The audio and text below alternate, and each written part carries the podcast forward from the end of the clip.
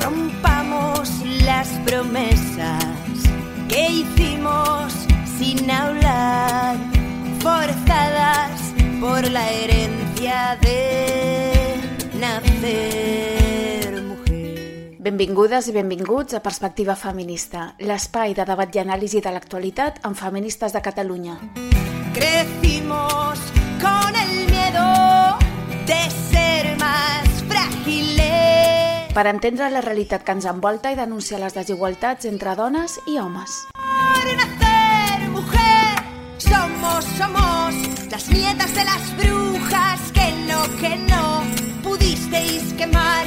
Somos la otra mitad. Hola a tothom. Benvingudes i benvinguts a aquest cinquè episodi de Perspectiva Feminista. Soc Pat de Lídia i avui us volem parlar de pressió estètica. Les dones sabem que per molt intel·ligents, cultes o professionals que siguem, si no som atractives i complim amb uns mínims requisits de bellesa, no se'ns tindrà en compte, no se'ns valorarà. I encara que complim amb aquests requisits, sempre hi haurà alguna cosa del nostre cos que no sigui prou bona o prou bonica o prou perfecta.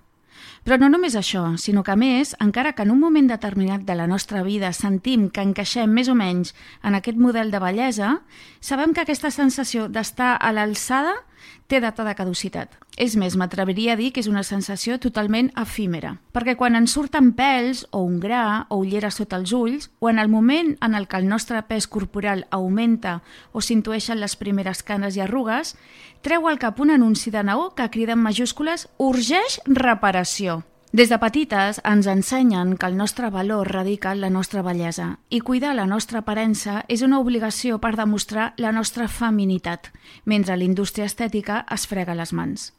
Una indústria, per cert, experta en fabricar noves necessitats per acte seguit, oferir-nos una solució, seguint així l'estratègia del clàssic esquema problema-solució. Dona, tens acné, imperfeccions, arrugues, els pòmuls caiguts o papada? Tens els pits massa petits? Massa grans? Tens panxa? Et sobren uns quilets? T'inunda la cel·lulitis? Tens un cul gros o caigut? Tens pèls a les cames, a les aixelles o l'entrecuix?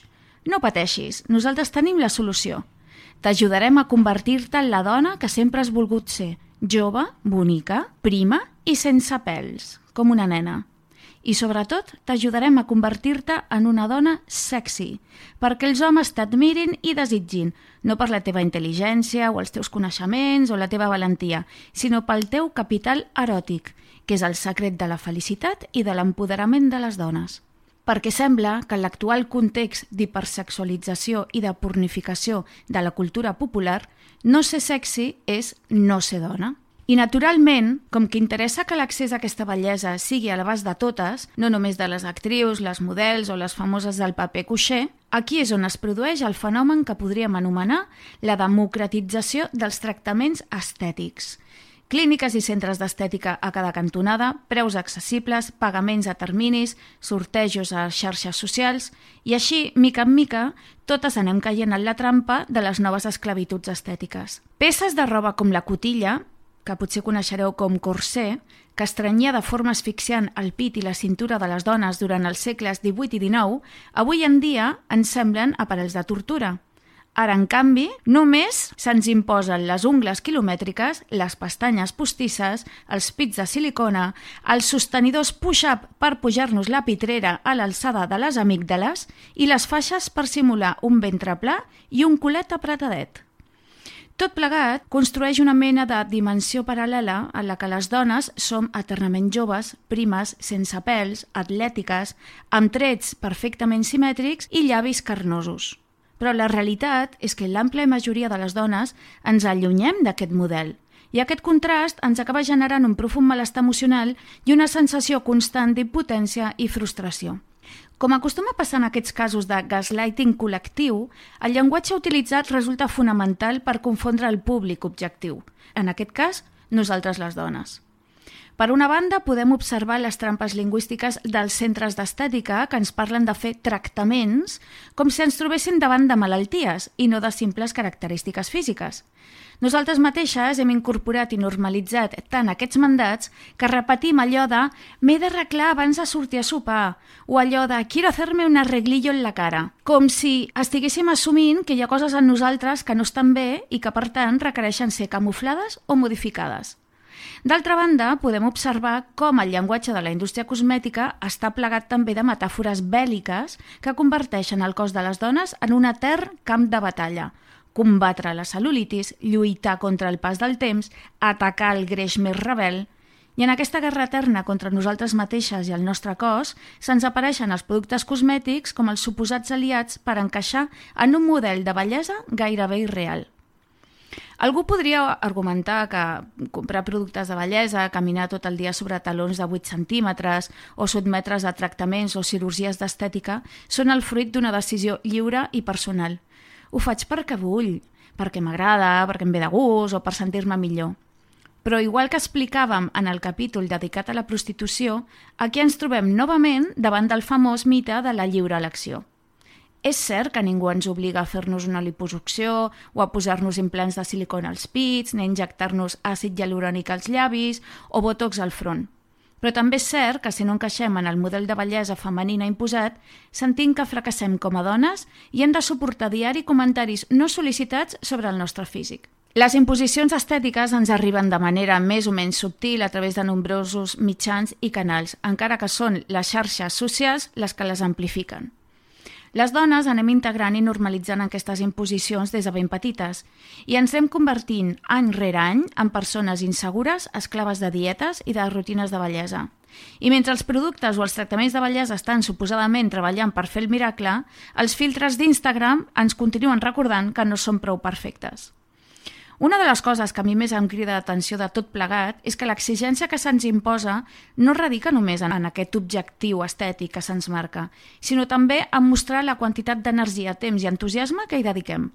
En aquest sentit, podem observar constantment influencers que ensenyen a Instagram els seus rituals de bellesa pas a pas, les seves receptes de menjar saludables o les seves rutines d'entrenament – i nosaltres les anem guardant a la memòria del mòbil com si féssim un recull de fórmules màgiques i secretes. Però d'alguna manera, si no complim amb aquestes noves disciplines, som vistes, i fins i tot nosaltres mateixes ens veiem així, com a dones deixades i que no es cuiden. És a dir, novament, som jutjades com a males dones. La pressió estètica és una forma de violència. El problema és que, com que no és explícita, no l'identifiquem com a tal. Però la realitat és que la pressió estètica sí és una forma de violència perquè, per una banda, ens roba els diners, l'energia i el temps que podríem invertir en altres coses. Ens roba l'autoestima i la seguretat en nosaltres mateixes. Ens roba la salut física i mental mentre intentem assolir uns models de bellesa gairebé impossibles. I ens roba també les oportunitats de gaudir perquè quantes vegades hem deixat d'anar a la platja o a una festa a la piscina perquè sentíem que el nostre cos no era digne de mostrar-se mig nu i a plena llum del dia? O quantes vegades hem deixat d'anar a un esdeveniment o una festa perquè ens veiem grasses o inflades o lletges amb qualsevol peça de roba que tinguéssim a l'armari? I admetem-ho ara que no ens escolta ningú. Quantes vegades hem estat més pendents de si se'ns veia o no el Michelin o la cel·lulitis de les cuixes mentre teníem sexe amb algú al lloc de centrar-nos en el nostre plaer? És hora que deixem de jutjar el nostre cos i, per tant, a nosaltres mateixes pel seu aspecte i que comencem a valorar-lo per tot allò que ens permet fer a la vida.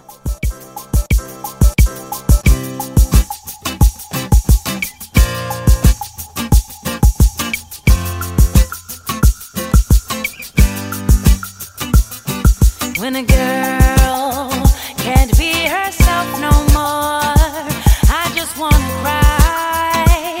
I just wanna cry for the world. When a girl can't be herself no more, I just wanna cry. I just wanna cry for the world. In the morning, from the minute that I wake up, what if I don't wanna put on all that makeup? Who says I must conceal what Of? Maybe all this Maybelline is covering my self-esteem. Whose job is it to straighten up my curves. I'm so tired of that image, that's my word. What if today I don't feel like putting heels on? Who are you to criticize when beauty's only in the eyes of the beholder? Escoltàvem Girl Can Be Herself, un tema d'Alicia Keys del 2016. Aquell any, l'artista va decidir presentar-se a la cerimònia dels MTV Video Music Awards amb la cara totalment al natural, sense maquillatge, i això va provocar una gran reacció. Més tard, la cantant va aclarir que havia decidit renunciar al maquillatge com a part d'un viatge cap a l'apoderament de si mateixa. I en concret va declarar el següent. Abans de començar el meu nou àlbum, vaig escriure una llista de totes les coses de les quals estava farta i una d'elles era el fet de com ens renten el cervell a les dones perquè sentim que hem de ser primes o sexis o desitjables o perfectes. I tot això és molt frustrant i fotudament impossible. when a girl can't be herself no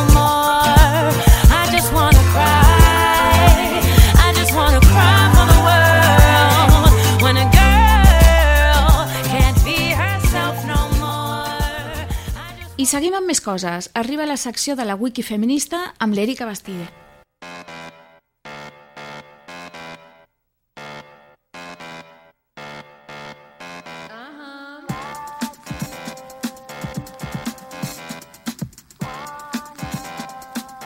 Això és la Wiki Feminista, jo sóc Erika Bastide i avui parlem sobre la pressió estètica, que com ja us hem avançat és una forma de violència.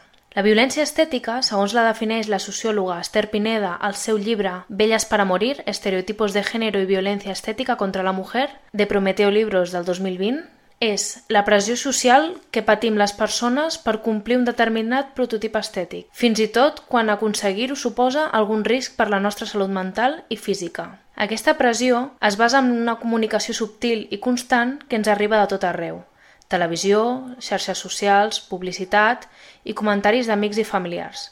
Un gota a gota constant que al final acaba tenint una repercussió en la nostra autoestima. La violència estètica és una conseqüència de la cosificació de les dones. Sembla que el nostre valor es mesura per com ens veuen els altres. Clar, si des de la societat patriarcal es considera la dona com un objecte o un accessori de l'home, òbviament es valora l'estètica. És més, els homes guanyen estatus social amb l'aparença de la seva parella. Però què és això de la dona ideal? El cànon de bellesa és variable segons la cultura i el moment històric. L'ideal de bellesa del Renaixement, que pren com a referència el model de l'antiga Grècia, eren les dones amb una pell blanca, cabell ros i llarg, ulls grans i clars, pits petits, lleugeres corbes, però de delicadesa en general. La Venus de Botticelli. És curiós com en cada moment històric es pren com a referència una dona. Helena de Troia, Cleopatra, Maria Antonieta, o ja més al segle XX, totes les estrelles de Hollywood, Heidi Lamar, Elizabeth Taylor, Marilyn Monroe, Audrey Hepburn, Brooke Shields, Claudia Schiffer, Pamela Anderson... Ara hem passat a les models d'Instagram, com per exemple a Bella Hadid. El cànon de bellesa està lligat a la classe social. Quan les dones pobres passaven gana i estaven hores treballant sota el sol, eren primes i morenes. Aleshores, el cànon de bellesa eren el de les dones riques que no havien de sortir del palau i tenien un aliment més que suficient, eren, tenien uns cossos més grassos i eren més pàl·lides. Ara passa al revés, tenir un bon bronzejat i un cuerpo fitness és tenir temps per anar a prendre el sol i anar al gimnàs. També veiem com el cànon de bellesa té un component racista. Òbviament, cada país pren com a referència una icona nacional, però sempre hi ha un eurocentrisme latent. A Àsia, es fan operacions per eliminar les faccions asiàtiques, blefaroplàstia per marcar la parpella, o la cosmètica de blanqueig de la pell. Les dones que tenen la pell més clara són considerades com a més atractives. I és que la indústria estètica mou milions d'euros arreu del món mitjançant la venda de productes, màquines, complements i intervencions. La última moda és el buccal fat removal, això de treure el greix de les galtes per tenir una cara com més xuclada i més prima. Amb la democratització de la cirurgia estètica s'ha obert la possibilitat de que tu, estalviant relativament poc, et puguis permetre una intervenció per apropar-te a aquest cànon. Germaine Greer té una cita que ho explica força bé al seu llibre La mujer eunuco.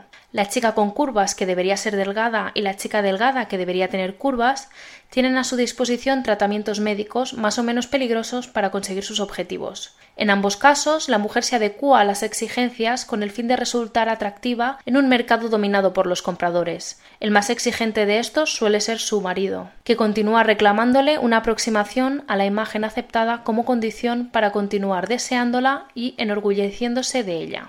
Per mi, una de les pitjors coses que fa la pressió estètica és la trampa de la lliure elecció. No hi ha ningú que ens apunti amb una pistola al cap i que ens digui que hem de ser com la Bella Hadid, però sí constantment hi ha una comparació implícita i una campanya publicitària molt forta, creant una necessitat d'un desig. Per exemple, just el dia que vas sense maquillatge a la feina, el company de torn et fa el típic comentari de «et trobes bé, fas mala cara». La pressió estètica té moltes conseqüències per la nostra salut mental, des de problemes d'autoestima i inseguretat fins a problemes de dismòrfia corporal o trastorns de la conducta alimentària. En aquest cas, avui us volia parlar una miqueta sobre la dismòrfia corporal. És una malaltia que entraria dins els trastorns obsessiu-compulsius i que es caracteritza per la preocupació persistent per una o diverses imperfeccions percebudes, que són imperceptibles o només lleugerament perceptibles pels altres. És habitual que les persones amb dismòrfia tinguin idees de referència. Això vol dir pensar tota l'estona que les persones es fixen o comenten el defecte. També tenen comportaments repetitius, com examinar-se constantment, intents de camuflar la imperfecció autopercebuda, evitar situacions socials... Com us podeu imaginar, tot això pot arribar a tenir conseqüències molt greus en les relacions interpersonals i el funcionament del dia a dia de la persona. Les dones que són conscients de tota aquesta violència i de la pressió estètica sentim una doble culpabilitat. La primera és per no complir el canon estètic que s'espera de nosaltres. I la segona per ser conscients de tota aquesta merda i encara així veure que ens continua important. En aquest sentit, em sembla que l'única solució és ser estratègiques. Jo recordo prendre una decisió conscient fa molt de temps arrel de fixar-me en el següent fenomen. Les dones del meu voltant que es maquillaven cada dia, el dia que no ho feien, algú els preguntava si es trobaven bé. En canvi, les dones que no es maquillaven mai, el dia que ho feien, per un sopar, una boda o el que sigui, era com «Ostres, que guapa estàs avui!» Doncs al final vaig preferir estalviar-me una estona cada matí i rebre un elogi que perdre el temps i rebre una crítica. Si us interessa aquest tema, ho podeu llegir tot al Mito de la belleza de Naomi Wolf. L'escriptora nord-americana i consultora política deia que el mite de la bellesa prescriu una conducta i no una aparença. És a dir, el que ens deia Naomi Wolf, molt encertadament, és que els cànons de bellesa imposats a les dones actuen com una eina de control social sobre elles, perquè la pressió estètica les manté sempre esclaves de l'aprovació aliena. I no només això, sinó que també ens manté esclaves d'uns hàbits de consum que es converteixen en suposadament obligats o imprescindibles. I seguim amb més coses, arriba la secció d'actualitat en perspectiva feminista, demà de l'Alana Gran.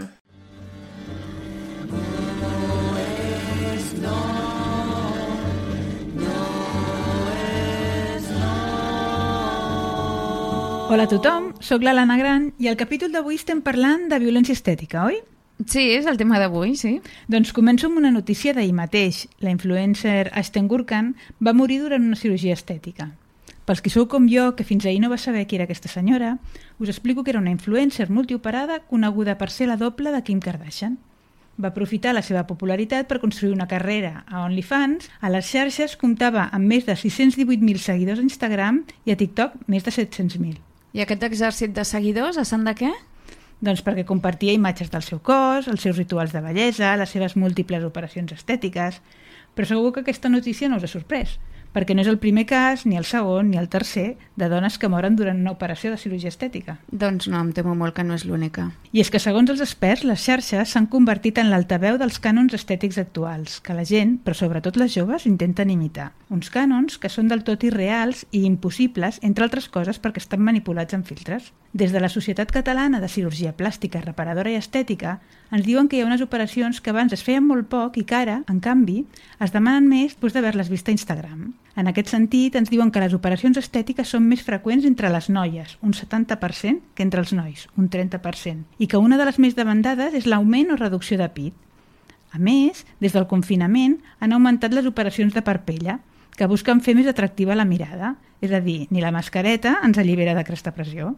De fet, es tracta d'una tendència a l'alça les operacions estètiques han crescut un 6% en els últims dos anys de pandèmia i un 15% respecte als 6 anys enrere. I quan es va començar a disparar aquesta indústria? Va ser a partir dels 90 que les cirurgies estètiques es van convertir en una indústria multimilionària. Uh mhm. -huh. Segons les dades oficials recopilades, la indústria de la cirurgia estètica als Estats Units i Europa va créixer significativament la dècada dels 90, amb un augment del 228% en el nombre total de procediments realitzats entre el 92 i el 98. I tot això té molt a veure amb que la indústria estètica va començar a financiar tots els procediments i la gent va començar a demanar crèdits i endeutar-se per canviar el seu aspecte. I allà va començar el boom. Però a partir dels 2000 va seguir augmentant i ha anat augmentant cada any la indústria de la cirurgia estètica continua sent una indústria multimilionària. El nombre total de procediments estètics quirúrgics va seguir augmentant el 2020, tot i la pandèmia de Covid. Però llavors això indica que la cirurgia estètica continua sent una indústria en expansió, no?, a nivell mundial. Ni la pandèmia ho ha parat. El 2019 va augmentar un 8,4%. El 2020, un 10,4%. El país amb major nombre total de procediments estètics quirúrgics realitzat el 2020 va ser la Xina, seguida pels Estats Units i el Brasil. Els procediments més populars van ser la blefaroplàstia, que és la cirurgia de les parpelles, uh mhm. -huh. la rinopalàstia, que és la cirurgia del nas, la liposucció i la cirurgia de mama. I a casa nostra què? Vull dir, tens dades a com la pressió estètica es tradueix en hàbits de cirurgia estètica? Les operacions estètiques són cada vegada més populars entre els joves. L'any passat, un 36% de la població espanyola es va operar, segons un informe de la Societat Espanyola de Medicina Estètica. És a dir, gairebé 4 persones de cada 10 van passar pel quiròfan per fer-se algun retoc. Però quina barbaritat. La darrera enquesta del Centre d'Estudis d'Opinió de la Generalitat de Catalunya va constatar que un 60% de les noies menors de 25 anys s'havia sentit insatisfeta amb el seu propi cos. És una mitjana molt més elevada que entre les dones més grans, i encara més si ho comparem amb els homes, majoritàriament satisfets amb el seu cos. Les dades que té el govern són alarmants el 47% de les adolescents de 12 a 16 anys es volen aprimar. El 41% ha començat una dieta sense control mèdic i el 27% de les dones adultes deixen de menjar per estar més primes. O sigui, violència invisible. Un malestar que afecta el 15% de les nenes entre 8 i 15 anys i que s'eleva al 60% tant entre les dones més joves com amb les més grans de 65 anys. Aquesta violència estètica es concreta amb la consolidació d'uns estereotips de bellesa mercantilitzada, seriada, reproduïble, uniforme, estandarditzada, massificable. De vegades veus persones que tenen el mateix nas, els mateixos pits, els mateixos llavis... És una violència que ens diu com hem de ser i com ens hem de veure pel que fa a la nostra imatge. Però la violència estètica no ens porta només a passar pel quiròfan, fer-nos retocs o fer dieta. Hi ha actes i cànons molt més subtils que tenim completament interioritzats per posar un exemple poc invasiu, però sí molt present al nostre dia, podem parlar de la depilació femenina. Hi ha moltes dones que decideixen no depilar-se, però encara avui hi ha moltes persones que perceben aquestes dones com a poc higièniques pel fet de tenir pèl al cos, principalment a les aixelles. Mira, de fet, ara que dius això, l'altre dia vaig llegir a Twitter un missatge que deia «El pelo por debajo de las cejas en las mujeres es un horror».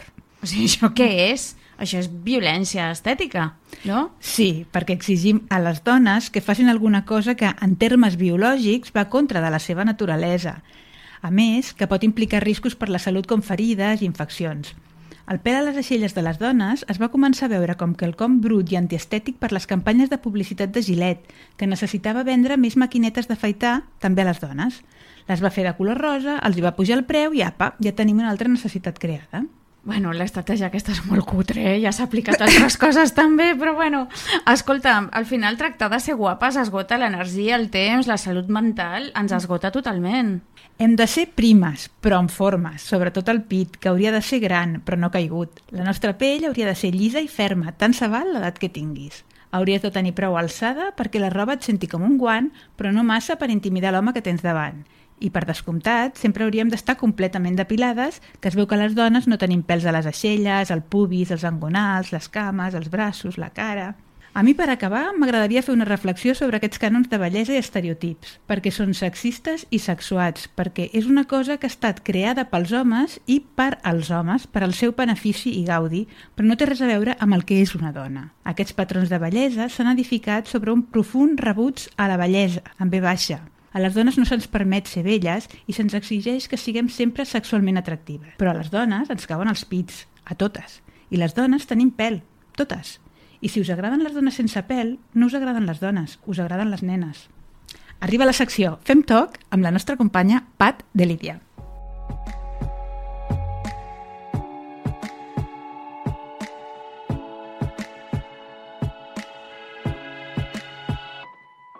I a la nostra Fem Talk d'avui parlem amb Gemma Cànovas, psicòloga clínica i psicoterapeuta acreditada per la FEAP, membre de l'Associació Catalana de Psicoteràpia Psicoanalítica i coordinadora de la vocalia científica. És sòcia i col·labora a la revista de la Red Caps Dona i Salut des de fa anys. Ha col·laborat com a psicòloga tècnica especialitzada en serveis d'atenció a la dona, tals com el Servei d'Atenció a la Dona de l'Institut Català de les Dones, Servei d'Atenció a la Víctima de la Fiscalia Provincial a l'Ajuntament de Barcelona amb prevenció de la violència, així com anunciat un servei municipal d'atenció, informació i atenció a la dona.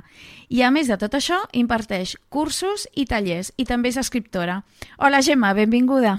Sí, bona tarda. Sí, moltes gràcies per invitar-me. Moltes gràcies a tu. Mm. Al llarg del programa d'avui hem parlat de la pressió estètica com una forma de violència contra les dones i com una estratègia per disciplinar-les i mantenir-les preocupades sempre doncs, per la seva aparença i el seu valor en el mercat del capital eròtic. Quins mm-hmm. efectes té tot això, la salut mental de, de les dones? Perquè, clar, una cosa és cuidar-se per salut i una molt diferent és perseguir un ideal de cos allunyat del cos real i menysprear-se no? a una mateixa. Parla'ns una mica d'aquests efectes a la salut mental. Sí, exactament. Eh, és important, com dius, diferenciar el cuidar-se, la salut, que té a veure amb la salut, amb la persecució d'un cos ideal que, com la mateixa paraula indica, l'ideal no s'aconsegueix mai en cap terreny -huh. però determinats manaments socials, de forma directa o indirecta, es poden anar filtrant uh -huh. també a l'inconscient.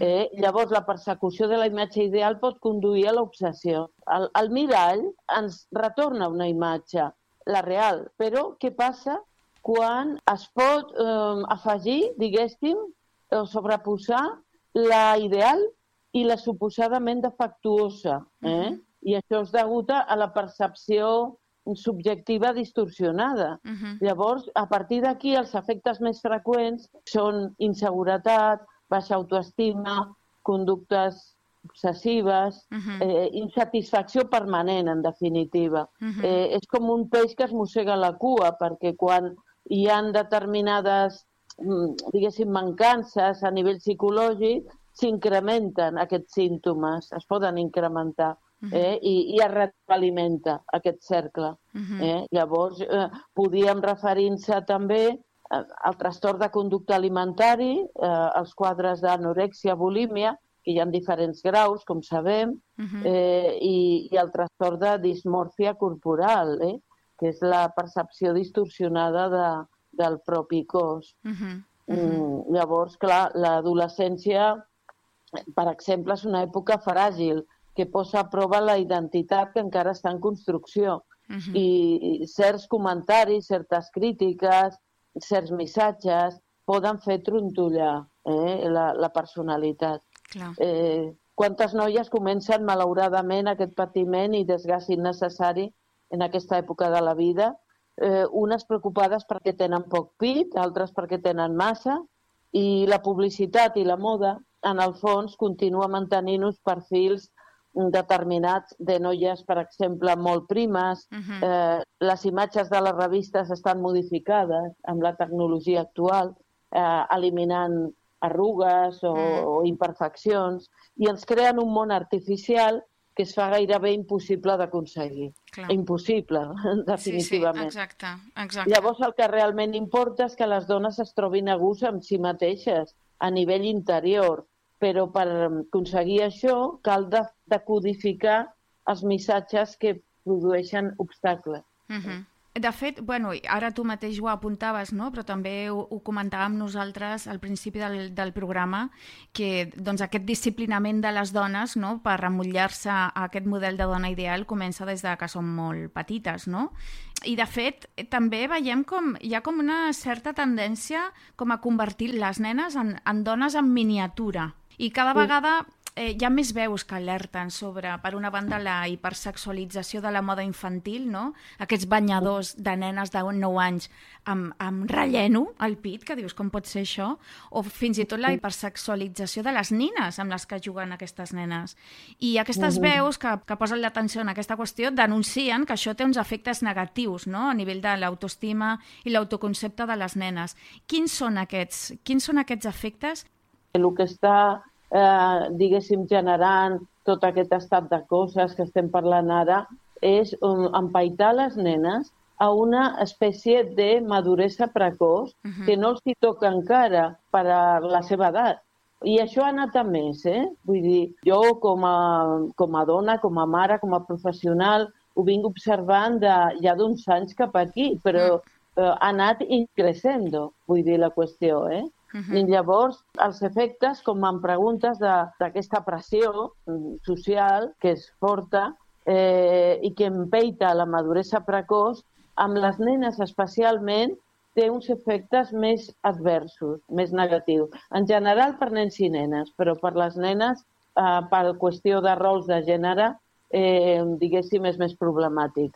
-huh. En psicologia sabem, en psicologia infantil, que no es poden saltar etapes psicoevolutives, uh -huh. perquè queden una espècie de buits que s'arrosseguen posteriorment. És com volgués saltar diversos esclaons de cop, per dir-ho així, no? Uh -huh. Uh -huh. Llavors, què pot passar? Mm, bueno, s'allarga l'adolescència, amb les conseqüències que això també comporta, no? I poden aparèixer mm, símptomes de malestar emocional, uh -huh. tant en aquestes etapes com a la vida adulta. Uh -huh. I, bueno, l'adolescència acostuma a ser més crítica de lo que ja de per si és. O sigui, això ho hem de tindre molt, molt en compte, perquè és com anar construint un edifici que els ciments no estan ben posats, ja. per dir-ho metafòricament. Sí, sí, sí. En funció també de cada jove o de, o de cada dona i de la seva història personal, caldrà mm, veure quin tipus d'efectes es poden produir. Però de forma genèrica podem mencionar doncs, immaduresa, inseguretat personal i eh, en termes psicològics això ens preocupa molt a molts professionals perquè observem el que en psicologia dinàmica i en psicoanàlisi anomenem la construcció del jo, no? el jo que té a veure amb la identitat. Mm. Llavors, créixer amb un jo debilitat o un fals jo, o sigui, una aparença de jo, com, com si a veure, ja dic, cada s'ha de examinar cas per cas, però sí. com ara estem generalitzant, sí. podem parlar de nenes que van creixent presentant com una, una identitat agafada amb pinces. Eh? Sí, com més fràgil, eh, una identitat fràgil, més fràgil. Exacte, exacte. O com fent un paper. Ja. Un paper que els hi pot ser útil fins a certa etapa, però després ja no. Mm. O sigui, que es pot derrumbar en qualsevol circumstància de la vida que les posi a prova. Clar. Perquè, clar, estan com interpretant un paper, que en realitat no té que veure amb mm. l'essència d'elles mateixes. Uh -huh. I quin rol, d'alguna manera, juguen les mares d'aquestes nenes en aquest procés? Perquè al final les mares, ens agradi o no, són, diguéssim, la, la persona que eh, s'ocupa més no? de la cura dels fills i les filles les mares, sí. Mm, en aquest sentit, juguen un paper molt important, sense menysprear el rol dels pares, eh, en absolut. Sí, sí, sí, no. Però, però em refereixo a les mares perquè, clar, elles són el model o mirall bàsic en què les filles busquen els referents clar. per la construcció de la seva identitat. Uh -huh. Llavors, què passa? Que les mares, generalitzo una altra vegada, sí, un sector sí. d'elles, sovint estan també condicionades pels efectes d'un discurs patriarcal uh -huh. que no les ha ajudat en molts casos a valorar-se tampoc simbòlicament en la seva autopercepció com a dones, en la seva visió corporal. Uh -huh. eh, llavors, clar, la, la millor prevenció en aquest sentit és que les mares tractin de fer reflexions personals sobre com, com elles també gestionen no? tot aquest tipus de missatges que han pogut rebre, uh -huh. ja sigui tant per via familiar com per via mm, social o cultural, uh -huh. per elaborar-los i que estiguin en millors condicions llavors d'establir ponts de comunicació amb les filles, uh -huh. eh? per, mm, per, per fer un altre tipus de transmissió. Eh? Uh -huh. Uh -huh. Veig així. Mm. Perquè, clar, jo ara que t'escoltava estava pensant que si les dones adultes, diguéssim, doncs patim um, aquesta pressió estètica, no?, que ja m'ha aclarit abans que és una manera de violència contra nosaltres, però si a part d'això, nosaltres ens costa, clar, jo estic intentant recordar com era jo quan tenia 10 anys o 15 anys, amb aquesta joventut tens moltes menys eines no? emocionals sí. per gestionar aquesta sí. violència simbòlica. Què podem sí. fer per ajudar aquestes nenes, aquestes adolescents o aquestes noies més joves a gestionar tot això?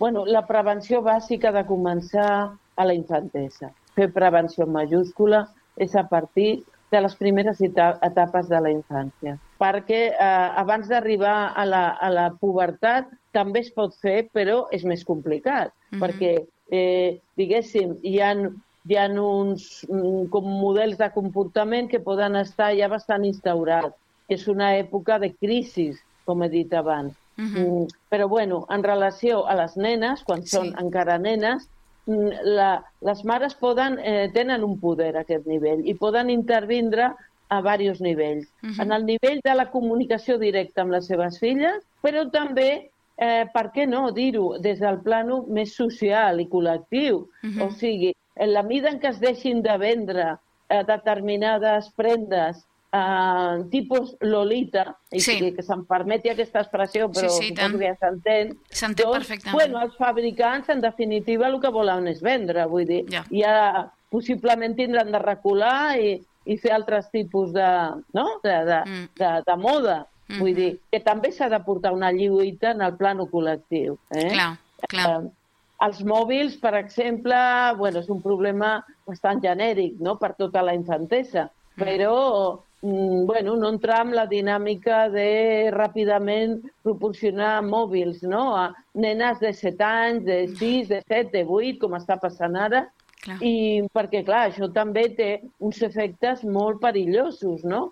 cada vegada estan veient abans pornografia sí. a, a les nenes i als nens. Sí, I això sí. també són ingredients que han aparegut en els darrers anys que han vingut a, mm, a greujar tota aquesta situació que estem parlant. Sí. Eh? I podríem parlar bastant de tot això. Llavors, quan les filles ja han arribat a la prepubertat o la pubertat, no hem d'enganyar-se, és més complexa la intervenció, perquè, bueno, perquè hi ha tota aquesta etapa d'oposicionisme eh, enfront les figures parentals, però tot i així, jo els, hi, els hi diria a les mares que el que elles transmeten en la línia saludable no cau mai amb un sac trencat. Uh -huh. dir que encara que sembli que no les escolten gaire, que estan per altres coses, uh -huh. que la pressió del grup és important, això és cert, a l'adolescència, sí, però en algun moment retornen a la mare. Uh -huh. Retornaran a buscar amb ella respostes. Uh -huh. Per tant, que no es desanimin. És uh -huh. qüestió d'anar sembrant amb paciència, sense agobiar, però amb, amb perseverància. Uh -huh. I eh, amb, un, amb un treball paral·lel també amb elles mateixes. Perquè jo, per exemple, coordinant grups de dones, que moltes, la majoria són mares, i, bueno, i tenen a vegades problemes per posar límits, problemes mm. en el sentit de valorar-se suficientment. Mm -hmm. eh, llavors, estan donant a entendre que també necessiten un procés d'elaboració. Sí. I si ho fan, estaran en millors condicions de fer transmissions més saludables mm -hmm. a les filles, mm -hmm. eh? a través de la paraula i a través dels seus actes bueno, de, de les actituds, vull dir. Uh -huh. És en aquesta etapa de, de la infantesa, abans de que siguin adolescents o preadolescents, quan caldria treballar el que l'altre dia fora de micro em deies que era l'autoestima profunda? Eh, bona pregunta, perquè actualment es parla molt d'autoestima, sí. i està bé que, que es faci, però, clar, sovint es queda en un plano bastant superficial. No, no s'explica bé en què consisteix Eh, hi ha molts llibres d'autoajuda que també, bueno, ja compleixen una funció, però també a vegades es queden amb, diguéssim, eh, amb un nivell que no aprofundeixen. Uh -huh. Llavors, amb la situació específica de les nenes, com, com deia, i de, de, les, de les adolescents, és eh, fonamental eh, obrir diàleg, obrir ponts de comunicació amb les figures maternes I quan dic figura materna no em refereixo només a mares biològiques, eh? Uh -huh. sinó mares adoptives, tot tipus de, de, de dona que estigui en aquesta posició. Mhm. eh? Llavors, clar, arrosseguem històricament com buidors, per dir-ho d'alguna manera. Eh? Jo fa poc vaig estar en una taula rodona que es parlava de, de tots aquests temes i es parlava de, mm, diguéssim, d'unes herències transgeneracionals amb el sentit de, diguéssim, com de silencis. Silencis i tabús i transmissions errònies que es van com heredant i van passant com una piloteta de, de generació en generació, no? Mhm. especialment amb la línia materna. Sí. Llavors, això, encara que no sigui agradable de, diguéssim, de saber-ho, Ja. és necessari, Clar. perquè mirant el passat podrem saber d'on venim i el que hem de modificar. I clar, l'autoestima profunda té molt a veure amb això. No vol dir com una nena, que posaré aquest exemple, que jo vaig atendre fa uns anys, que tenia problemes amb la seva percepció del cos Sí. i, a veure, una mestra amb tota la bona intenció del món, però li va dir cada dia posa't davant del mirall i et dius a tu mateixa que guapa sóc.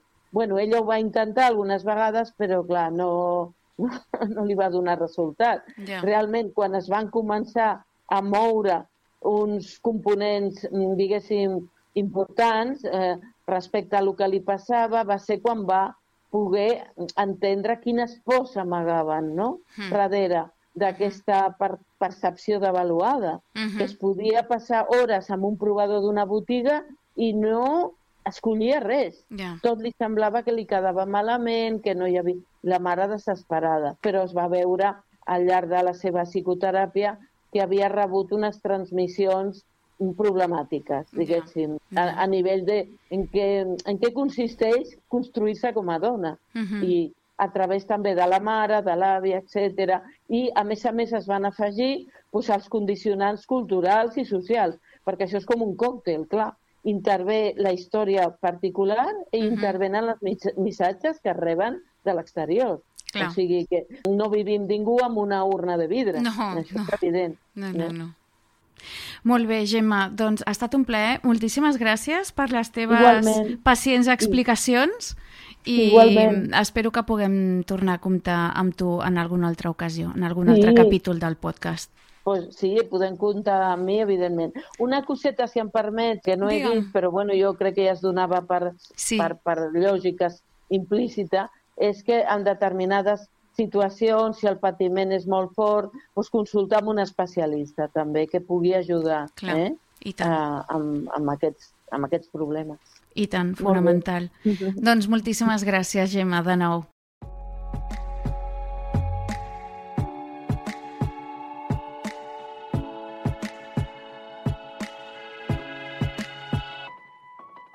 I fins aquí el Perspectiva Feminista d'aquesta setmana. Moltes gràcies per la vostra atenció.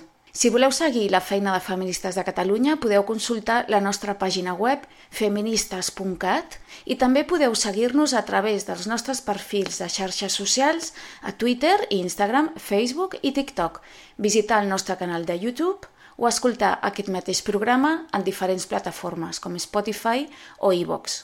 Ens acomiadem amb el tema Amo como soy, de Celeste Show, cantant xilena nascuda a Anglaterra i que suposa una oberta crítica a la pressió estètica que patim les dones.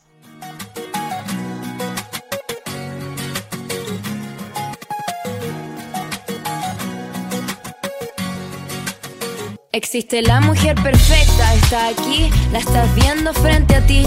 Amo como soy, amo mi nariz aguileña, mi rostro redondo, mi metro sesenta como soy. Y está perfecto, los estereotipos son obsoletos. Amo mis pecas, amo mi cuerpo, amo el carácter que yo proyecto.